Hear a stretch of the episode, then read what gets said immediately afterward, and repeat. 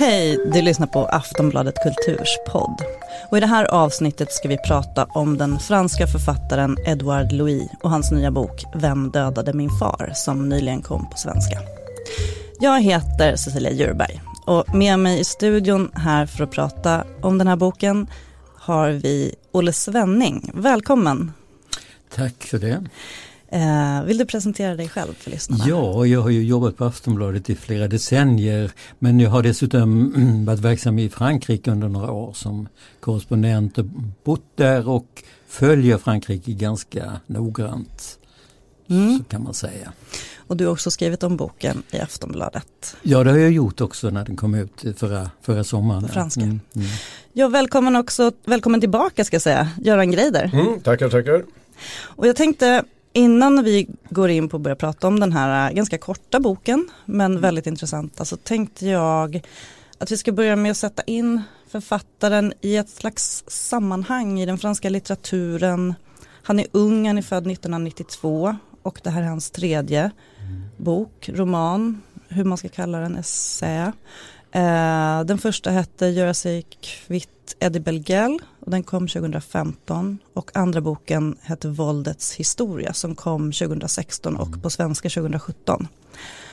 Eh, och det är autofiktion, alla de här tre böckerna skulle man kunna beskriva det. Nu måste jag, nu måste jag korrigera det. Han vänder sig bestämt mot begreppet autofiktion mm. för han säger att det är ingenting som, är, han vill inte ha någonting mellan sig själv och verkligheten.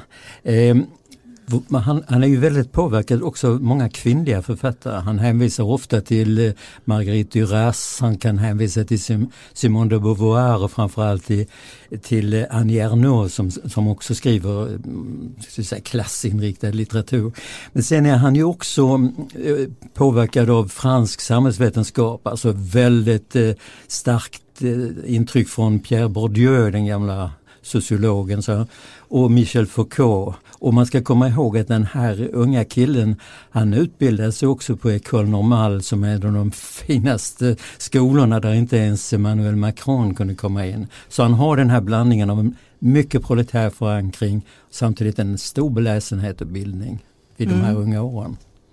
Ja, han har väl också uttalade referenser till till exempel Didier Eribon som ja. har skrivit Tillbaka till Ram. Den tror jag var en av de viktigaste böckerna, det säger jag inte, var den som fick honom att börja skriva. Han var ju, kom ju från samma proletära bakgrund, lite betydligt äldre är han ju, men är också sociolog och så, så att han, kombinerade de saker som gjorde intryck mycket på, på eh, hans nya författarskapet hos, eh, så kan man säga. Men det är väl också så att han, han lägger också till något nytt tycker jag i litteratur. Alltså just att han är så uttalad aktivist. Mm. Jag menar, det, han vänder sig mot det här begreppet autofiktion. Han tycker att jag skriver sanningen om samhället. Jag håller inte på och mm. babblar om mig själv ungefär. Mm. Det är ju eh, väldigt teoretiskt intressant. Ja, jag tycker alltså, och det är slående, nu är det för sig som med många franska författare att det känns lite grann som de just har kommit ut från ett filosofiskt seminarium mm. ibland. De skriver om språket eller kroppen, så här, det känns väldigt mycket som om det är något nyss avhållet Foucault-seminarium. Som, men, men, men, det här filosofiska spelar stor roll och det här aktivistiska tror jag. Och han har ju till och med gått med i demonstrationerna bland som de gula mm. västarna har sysslat med i, i Paris. Eh, och sen är det ju så, det är inte bara franska författare, det finns ju en, vad ska man kalla det för, nästan en gay-kanon också med, med Pasolini mm. som jag vet att han mm. uppskattar. Som han också säger att han skriver mm. emot därför han tyckte ja, Pasolini eh, eh, alltså romantiserade mm, fattiga eh, människor. Så, eh, så, så, I den meningen tycker jag att eh, kultursidorna har ingen riktig makt över denne författare därför att han står med benen i andra läger på något sätt. Ja. Han är också han skriver ju om, mycket om sitt intresse för teater i sin första roman mm. och inleder den här mm. boken med en liten beskrivning. Jag tänkte att jag skulle läsa upp den. Mm. Uh, för det är väldigt fint. Så här, så här börjar Vem dödade min far? Om den här texten var en teatertext skulle den börja så här. En far och en son står några meter från varandra på en stor, öppen och folktom plats. Platsen skulle kunna vara en veteåker, en nedlagd och öde fabrik eller en steril gymnastiksal. Kanske snöar det. Mm. Och det är ju liksom en, ganska poetisk Det är mycket- inledning. Ja, det är ju, det är, han skriver ju själv om sitt förhållande till teater, eller talar i alla fall om sitt förhållande till teater. Han, han sa att det här var absolut ingenting, hans samhällsklass gick man aldrig på teater, det var löjligt, det var fjolligt helt enkelt. Och han ville själv lite uppträda och klädde ut sig sådär. Det underströk strök särskilt hans eh, utsatthet. Men, men eh, han, hans, hans böcker har ju blivit teater några stycken Mm. upp, upp, uppförs och de är ju gjorda som, som, nästan som kammarspel, som dialoger så att det, det går ju väldigt väl att översätta till, till teater. Jo, det här omfånget tänker jag nästan är liksom det här, den här är 89 sidor. Ja, den, mm. den, skulle, den är liksom så att säga görbar i Det, är också, det finns ju också någonting i hans språk som är speciellt för att han han, han blandar då sin, sin, sin, sin nästan akademiska franska, i alla fall avancerade franska, med,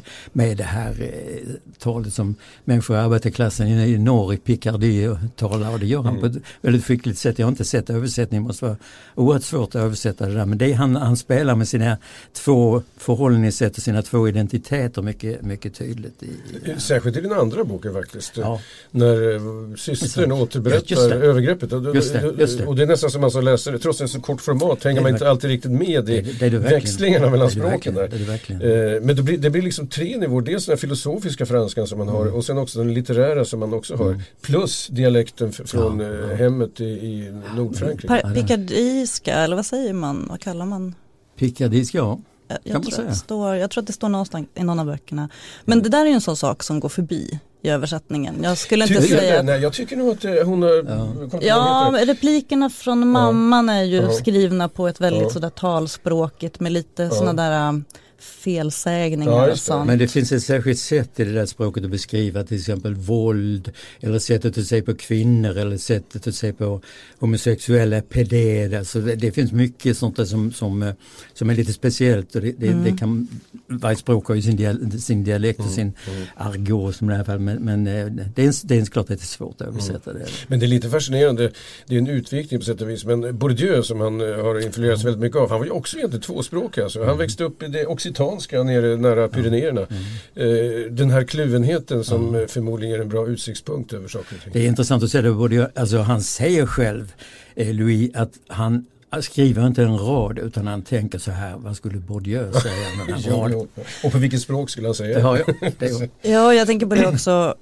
Han måste ju, men nu när han skriver det här, nu är han liksom, han har ju gjort sin klassresa och bildningsresa eh, och läst Bourdieu. Och sen så skriver han ju sin bok också, alltså det här med, alltså som en av Bourdieus centrala idéer om det här med kulturellt kapital. Eh, det blir ju så tydligt liksom hur han, hur han liksom försöker erövra det eh, från att inte haft det. Och, och den här manligheten som också är förknippad med, han säger någonstans, eller om det var i en intervju, han sa att man, klass handlar om manlighet. Ja. Det är ju det, det, är ju det. Alltså det finns något intressant här. I hans första bok så är det mycket beskrivning av en släkt, en familj som drivs ut mot nationella fronten som det hette på den tiden. Eh, lite rasistiskt, lite förtryckt och, och den sortens reaktion man kan tänka sig i arbetarklassen.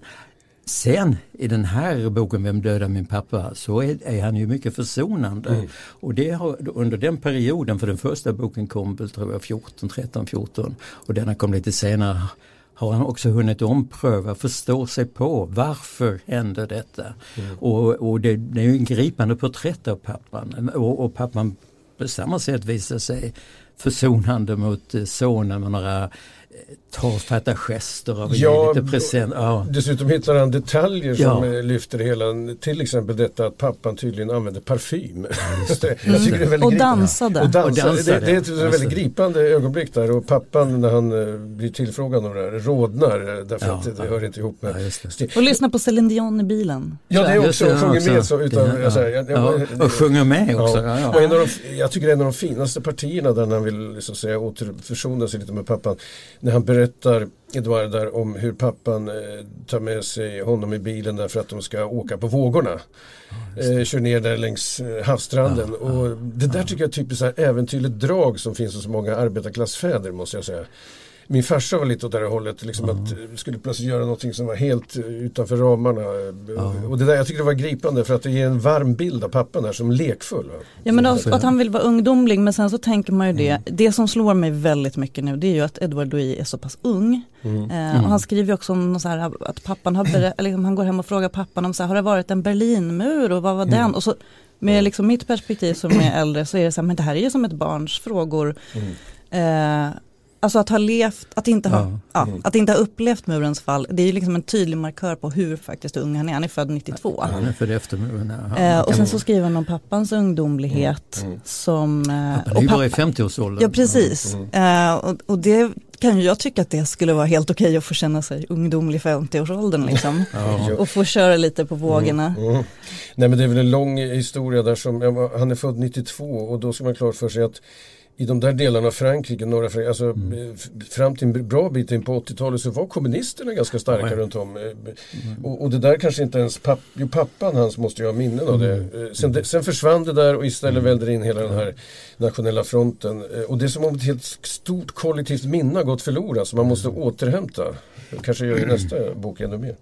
Det är ju de eländigaste, eländigaste områdena av Frankrike när de beskriver Piccadilly det allra fattigaste. Men hela det här norra Frankrike där gruvor, stålindustri, allt har, har raserats. Och eh, befolkningsstrukturen består i stort sett av äldre män också mycket, mycket invandrare. naturligtvis. Och, och den ko- konfrontationen blir där eh, också, också stark och det är ju detta som Nationella fronten eh, väx, växer och blir stark. Det, det är en eh, det är som du säger, man suddar ut historien och ersätter med någonting som eh, kan vara hoppfullt. Nämligen Ja. vi måste ha någon jävel under oss. Vi kan i alla fall ha invandrarna under oss. Men tidsuppfattningen är ju, alltså jag, jag liksom slås verkligen av den när jag läser. För att han är då, säg 2006 är han då alltså 14.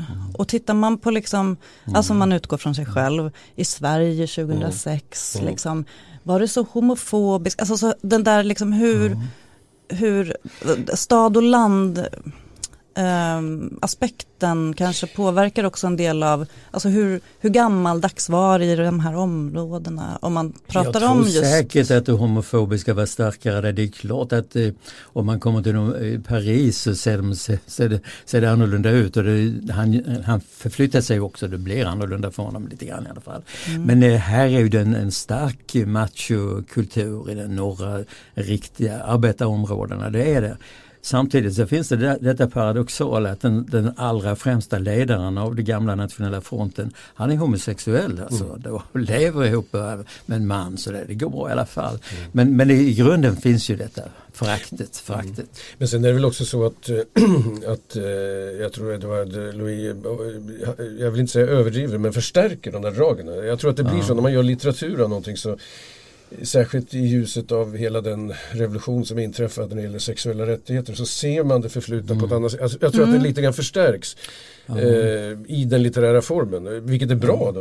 Jag, menar, det är Jag tror du har rätt i det därför att när han beskriver den här våldets historia Mm. så finns det ju den här, det här em, övergreppet och det fanns en, en, en stark em, komplicerad relation till en, en man från eh, Maghreb Mm. då. Och det, det, det blev en utlevelse av våldet och konflikten mellan Mm. den koloniala och den förtryckta. Det är väldigt, väldigt starkt eh, skildrat. Mm. Försonat på något sätt också. Han, han, det blev ju åtal och det blev- ska rättegång men han ville ju aldrig att Ja, det han skulle vill ju liksom drivas förklara Ja, ja, ja, förövaren visst. Mer ja. än brottet så att säga. Ja, visst, visst. Det är en ganska fantastisk historia. Men om man ska tänka då till hans försvar så om man tänker honom då som barn uppväxt, man blir ju också, även om, om världen är stor och, och liksom eh, eh, hbtq-rättigheter har liksom eh, kommit långt i stora delar Mm. alltså, av samhället, kanske inte just där, men så har ju han sin familj och den synen som kanske liksom präglar motståndet ännu mer. Ehm, det är ju svårt att, alltså en upplevelse är ju en upplevelse. Men jag tänkte på, han skriver ju om hur hans föräldrar liksom spelar sina könsroller. Ehm, jag, jag skrev bara ett citat där, att han säger efter att något parti, det är ju Göra sig kvitt Edouard Gell, Uh, pratar han om att han grät väldigt mycket som barn och kallades för fontänen av sin bror som inte stod ut med gråten. Medan mamman, hon kunde vekna men pappan föredrog att ryta och vara sträng. Och så skriver han så här. Det var som om de fördelade rollerna mellan sig. Roller som de påtvingades av sociala krafter bortom deras inflytande och som de samtidigt medvetet spelade. Mm. Där finns det någonting i vad är den utifrån krafterna och vad är det liksom de själva vill bevara? Det, där tycker jag det finns en, eh, en komplikation i Edward Louis författarskap därför att det, det blir ofta lite väl deterministiskt. Alltså eh, man, man föds in i den här arbetarklassen med konservativa könsroller, homofob och röstar på Le, Le Pen. Alltså det blir, det, förklaringen ligger hela tiden i, i en social och ekonomisk omständighet. Det, det, finns, jag menar, det är självklart att det är sådär.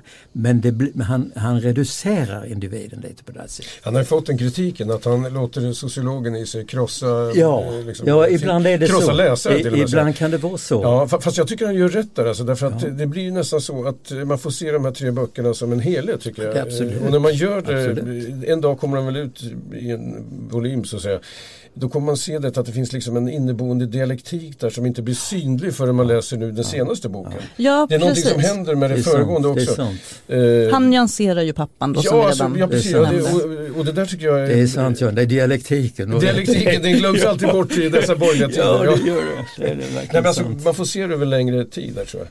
Jag tycker det är intressant att se också att han har blivit, som vi tar i början här, med aktivist och en av de mest eh, så att säga, hårda propagandisterna för de gula västarna. Och det, mm. det är ju en, en, rörelse som är rätt eh, heterogen. Det finns väldigt många, många, riktningar där. Det finns ju absolut homofobiska drag. Det finns eh, antisemitiska, antisemiter lite mm. grann, lite rasistiska och sådär. Och det är dessutom mm. i huvudsak folk som kommer från, från landsbygden. Det, det, det, det är väldigt utpräglat så. Men han, det, för honom blir det en identitet också med den egna uppväxten. Nu, ja. nu ska vi organisera oss och nu ska vi ja. åstadkomma någonting. Och, och där, han har ju verkligen han har skrivit om det där att han så att säga nästan identifierar sig med kropparna som plötsligt syns på Paris, på huvudstadens gator som är lite förstörda av eh, arbetsliv. Att börja, ja, och, och, det är en väldigt stark känsla och då är det liksom gott eller ont is the working class. Ja, det, det, ja, det, och jag tycker ja, ja, och det, där blir han ju på ett roligt sätt, roligt, på ett bra sätt, förlösande sätt aktivist. ja, det, absolut. Men om man ska tänka sig att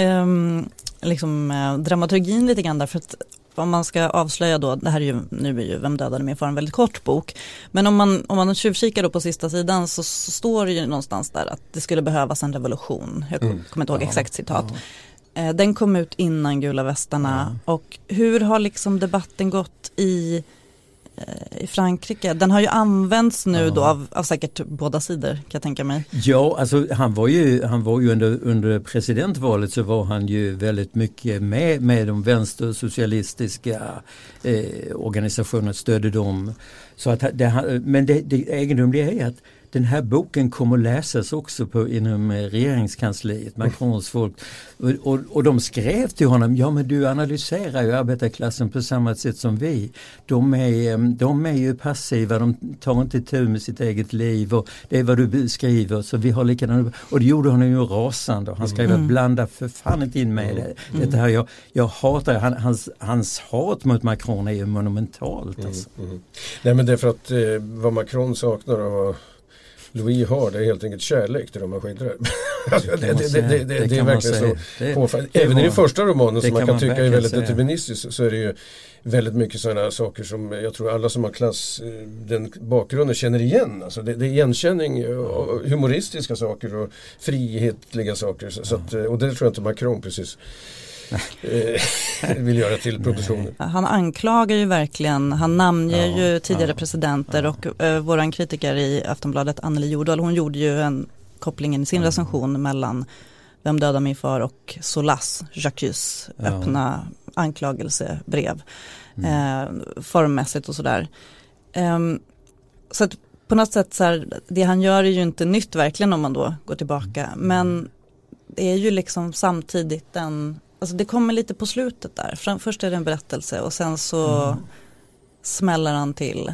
det är ju så, han, han skriver vem på franska det har dödat min far och inget frågetecken naturligtvis utan det är bara ett konstaterande att hans far dödade. Och då mm. namnger han ett stort antal politiker, ett antal presidenter. Jag, när jag läste den en sommarkväll så, så var det, drabbades jag extremt starkt av den därför att han han gör ju någonting konkret av de här abstrakta mm. diskussionerna. Hur ser arbetsrätten ut?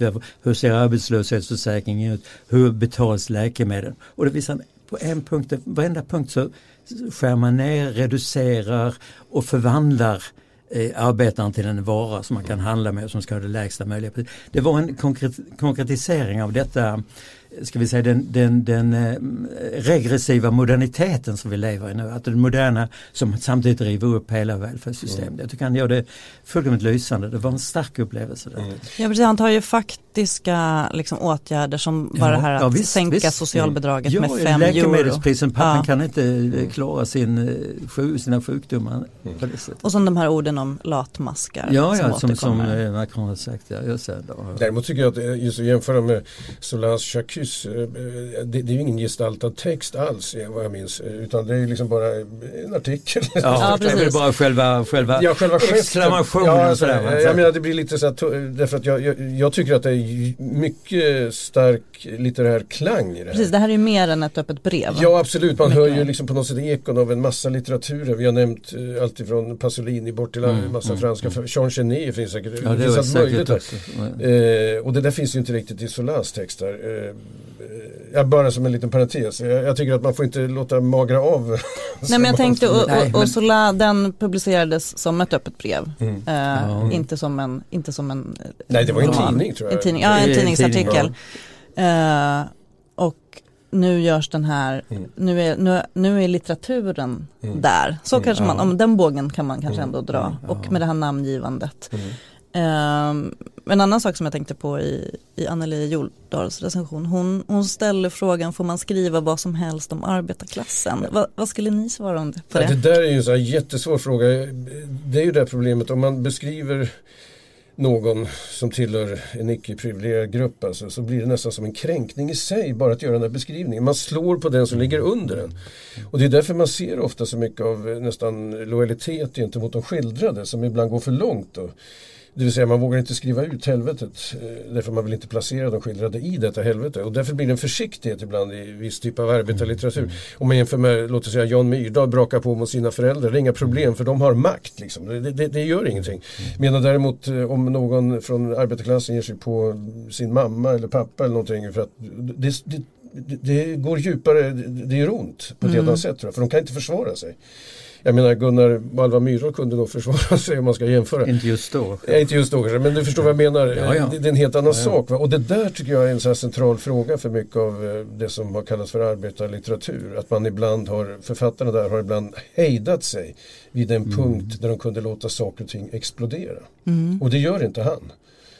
Nej, Nej han, alltså vad han gör då tycker jag, det är en, han, man kan inte föreställa sig, om man romantiserar arbetarklassen och tänker det här det är de, mm. de goda på jorden, mm. så, så blir det fel. Om man lever under de här betingelserna, socialt förtryckt utanför, då utvecklas ju inte de här storartade känslorna utan mm. det, det, blir, det blir ett, ett mm. Eh, förtrycket avspeglas också i sättet att leva, sättet att mm. tänka, eh, känslan av att vi måste ha någon annan under sig. Det, jag, jag förstår jag kan verkligen inte hänvisa till egen uppväxt i arbetarklassen men, mm. men eh, eh det, det, jag tycker man måste kunna vara, vara mm. Eh, rätt, så, rätt så ärlig det. Jag tycker nog att man är det mycket mer i, mm. modern Jo men så är det nog. Ja. Men det, det, där finns ju en underbar episod i i våldets historia när han har utsatts för det här övergreppet mm. av, av den här mannen med nordafrikanskt ursprung ja, där. Så sitter han på tunnelbanan efteråt och känner sig, han säger, jag, nu är jag rasist i fullo för han är livrädd när det dyker upp någon som ser ut att komma från Nordafrika. Ja. Eller någon, mm. någon, svart afrikan och så. Eh,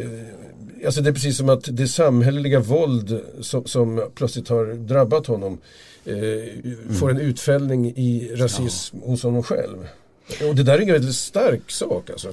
Ja och på samma sätt så, jag menar i och med att han så gärna vill bort och eh, han inte trivs mm. i det här arbetet. Alltså mm. det är mm. sjaskigt mm. och eh, det är supande och det är våldsamt. Mm. Så jag menar, är det då, blir det då klassförakt? Alltså när han har lämnat det det är ju väldigt ja, laddade... Men det, det, skriver han ju också att han måste bort från den här miljön ja. för att kunna frigöra sig från den. Men sen är det som, som Göran så klokt sa med dialektiken, han kommer tillbaka till det. Jo, man det... kommer ju inte undan ja. det här utan man måste förstå vad, hur, mm. vad var det som konstituerade deras, mina föräldrars sociala liv, vad var det som, mm. var det som gjorde att jag växte upp på det här mm. sättet. Och han kan betrakta det, det är klart han kommer sen i en privilegierad position och kan betrakta det utifrån. Mm. Samtidigt så kan, upprätthåller han ju en solidaritet med det här som mm. jag tycker är ganska, mm. är ganska fint gjort. Och sen upptäcker jag helt enkelt att han sitter på ett enormt kapital. Om, inverterat ja. i en annan valuta. Ja. Som, det vill säga han har någonting att skildra här som ingen annan i det ja. parisiska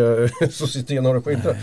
Eh, och det ger honom en oerhörd styrka och också självförtroende. Jag har någonting att säga som de andra inte har. Ja. Eh, det, det är lite som du sa i början, det har varit en period i den franska litteraturen där det här varit mm. långt, långt borta. Mm. Mm. Och det har varit borta från politiken för den ja, delen också. Så, det, det, det, ja.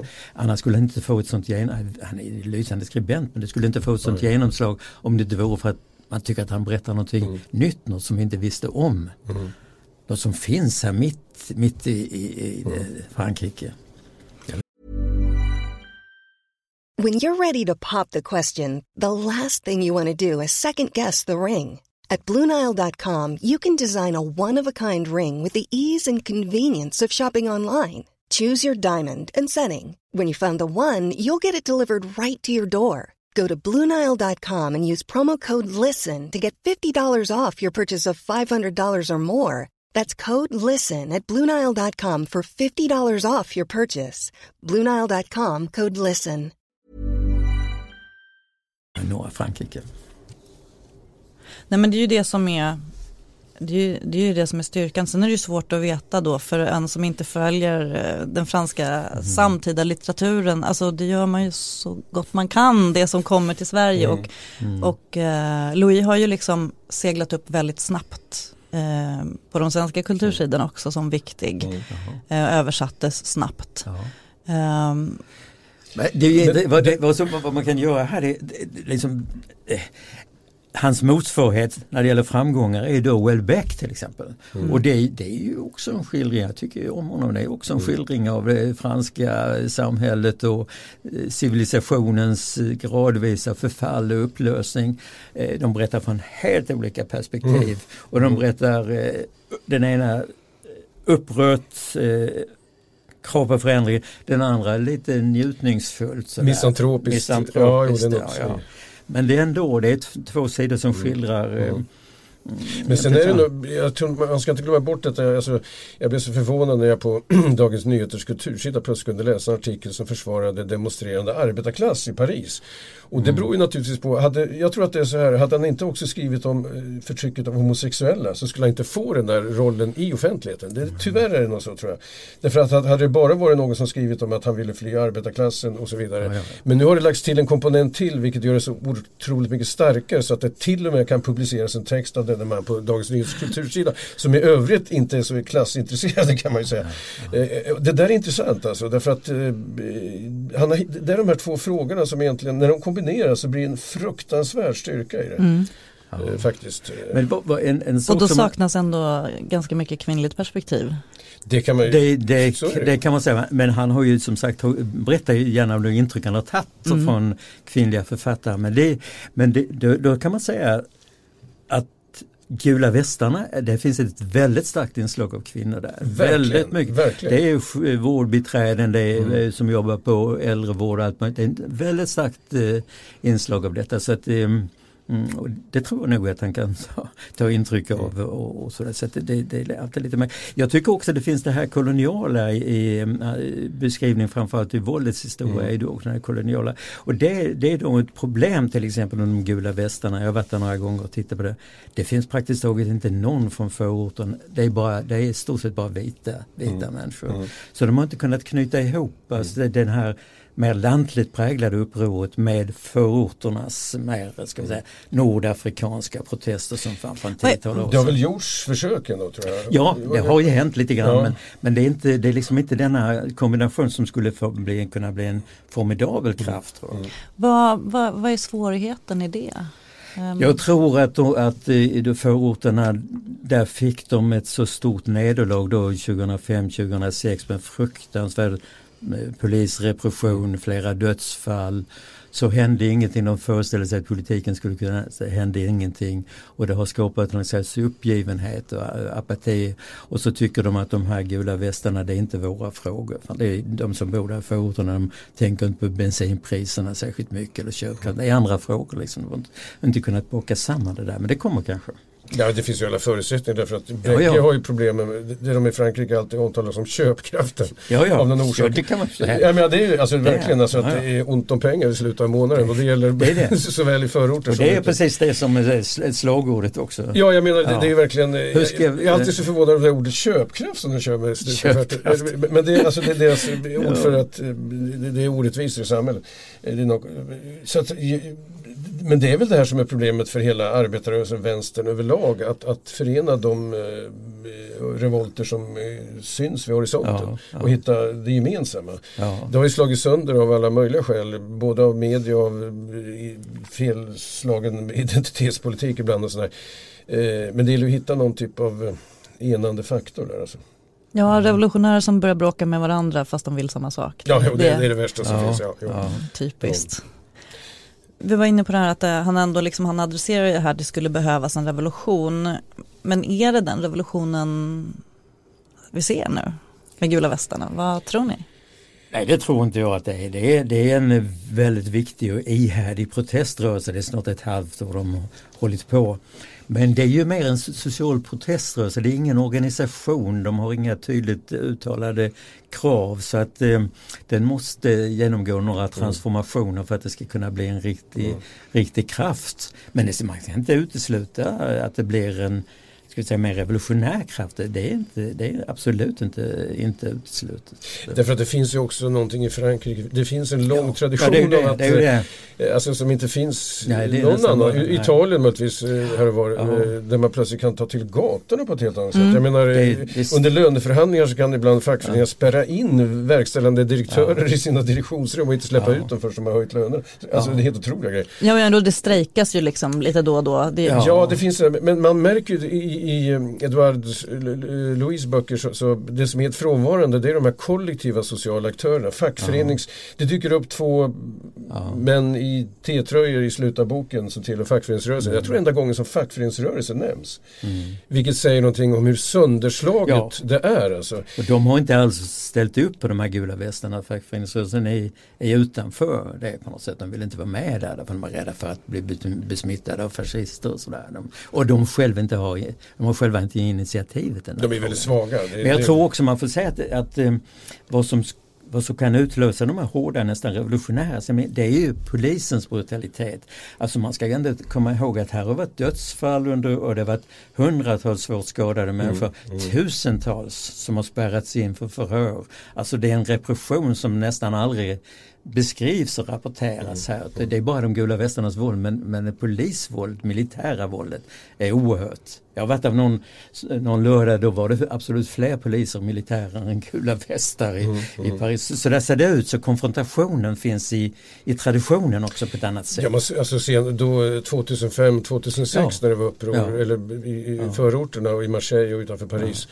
Då var ju polisbrutaliteten Ja. var ju oerhörd och, och Sarkozy förstärkte det hela genom Ja. att tala om de som De skulle spola gatorna. Ja, ja, en Ja. massa sådana hemska uttryck. Så, Ja. så det, det är någonting som pyr alltid i Frankrike tror jag. På gott och ont ska man säga. Ja, ja, så är det ju alltid. Men, men det, det är väl, en del forskare pratar om det här uttrycket de bortglömdas revolt. Alltså. Och Där ingår det också tyvärr då en del högerpopulistiska röstmönster som är en del av det där. Man kan också säga, att om man går tillbaka till Bourdieu som började tala om, alltså han engagerade sig stenhårt i, och, och han allierade sig med fackföreningsrörelsen. Mm. Och de lyckades faktiskt störta en regering då, Mm. på 95. Och så att det, det, det går ju att Ja, därför att det där glömmer man bort med Bourdieu. Alltså, man, man förknippar honom med de här eh, analyserna av habitus och så vidare. Men under större delen av 90-talet så Ja. var han ju otroligt aktiv på barrikaderna. Ja, ja. Eh, Och skrev eh, mängder av böcker. Och var mycket, mycket allierad med fackföreningsrörelsen. Ja, och man kan säga det, det är ett större märkvärdigare än så. När jag kom in på CFDTs eh, högkvarter, en annan landsorganisation. Då sitter Michel Foucault på ett stort porträtt. Mm. Man kommer in. Det är lite förbluffande. Men, men det finns en, i, sina bästa stunder så finns det den här föreningen. Den radikal akademisk vänster och den fackliga rörelsen. Det Mm. har inte riktigt kommit nu men det kan det.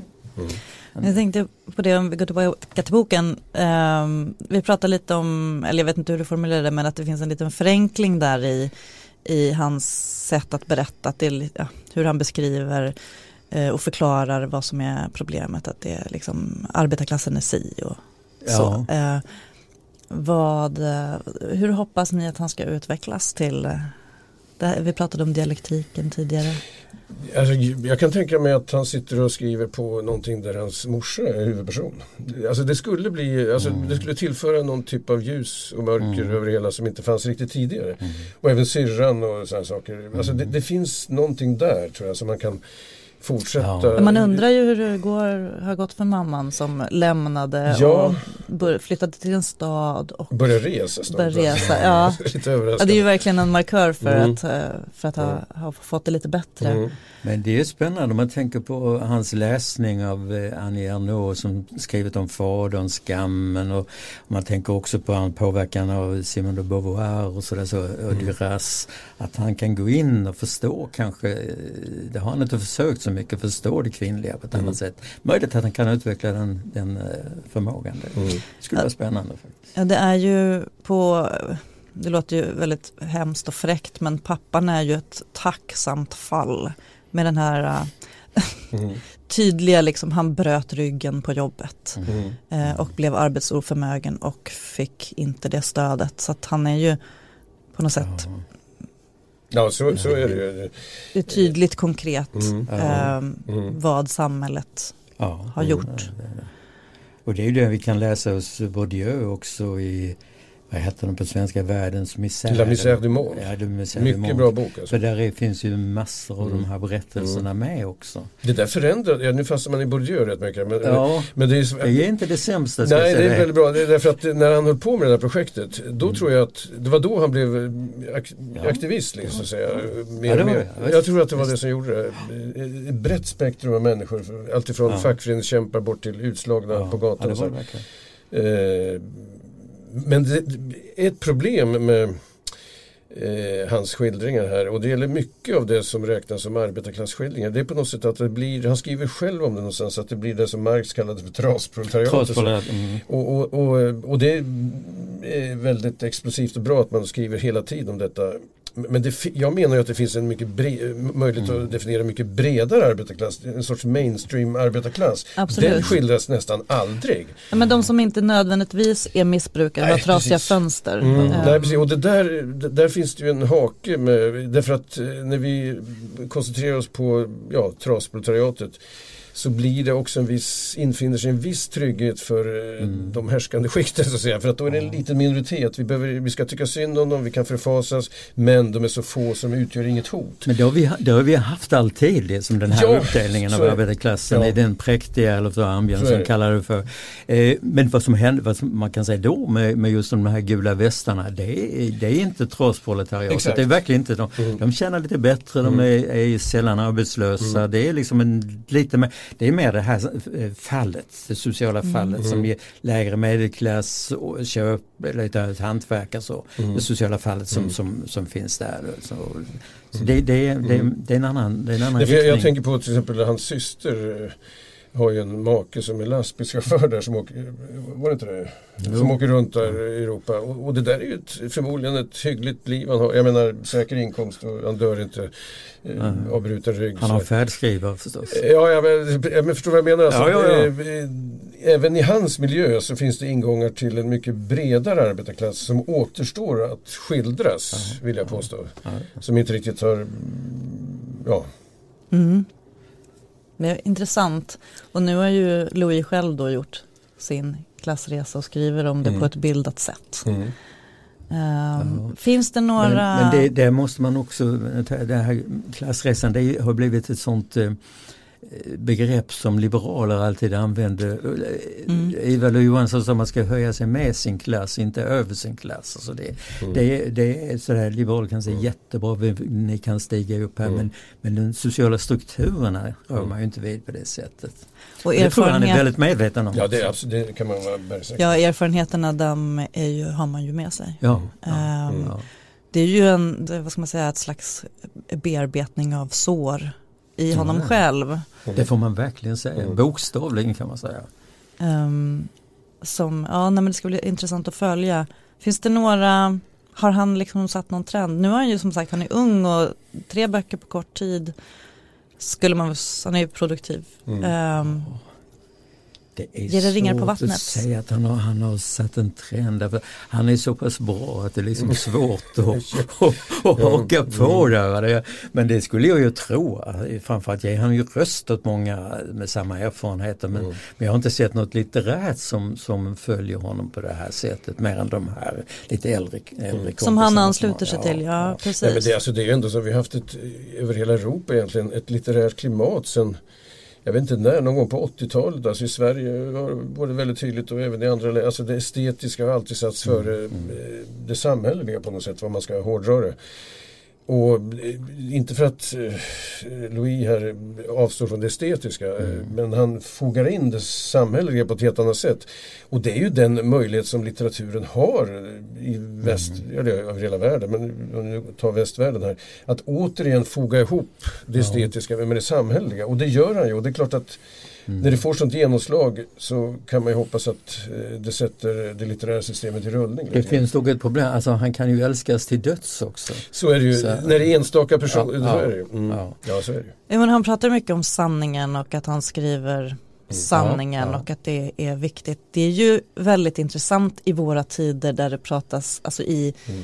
i andra typer av publikationer och internet pratas väldigt mycket om vad som är fejk och mm eh, desinformation och misstron mot, eh, mot de som yttrar ja. sig. Men han, man tar ju honom som sann. Alltså, ja. Jag ifrågasätter ju inte. Han vill ju vara det. Han kan ha polisrapporter, han har texterna mm. som man sen gör litteratur om men, men man tvivlar ju inte på hans skildring, det kan jag inte säga. Alltså, nej, alltså någonstans är det, all stor litteratur är ju fake news. ja men det, det, det, det var lite det jag var ute efter. Ja, men, det vore ingenting, eh, Balzac det är också, det är påhittat. Ja, ja. Han gick genom en fransk stad och skrev en roman om alla som bodde där och inte träffade mer än två. Eh, jag menar herregud, eh, så är det ju. Ja. ja men det är det man måste påminna sig om, det här är, ändå, det är ändå litteratur.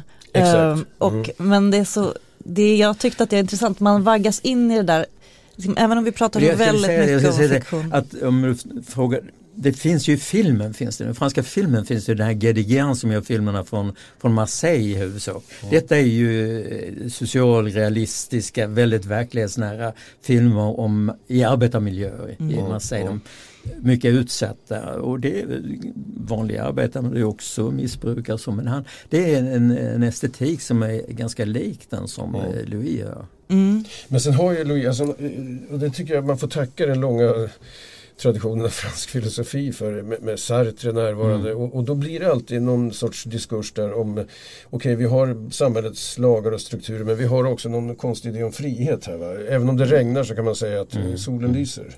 Är det inte han som skriver det någonstans? Eller har jag sett det någon annanstans? Alltså jag menar vi har möjlighet att ja, överskrida våra beting... ringer en klocka här. Ja, ja, jag, jag, vet inte om jag drömt det men, men det är en bra formulering i alla fall. Ja det, det är väldigt bra för jag fastnar för Kanske din? Nej jag tror inte det. Jag tror det var Nej, men jag, Ja, ja men jag, det, det, ja, och det där är någonting som eh, jag tror är lite typiskt för Frankrike. Alltså, alla författare har någon konstig ambition av att också vara en stor frihetsfilosof. Ja, ja. eh, men det är bra i vissa lägen. Särskilt när man skildrar misär, elände och helvete. Så är det bra att det finns en filosofisk impuls som säger att det finns något mer här. Det finns mm. något annat. Det finns något vi kan göra. Det tycker jag är rätt häftigt.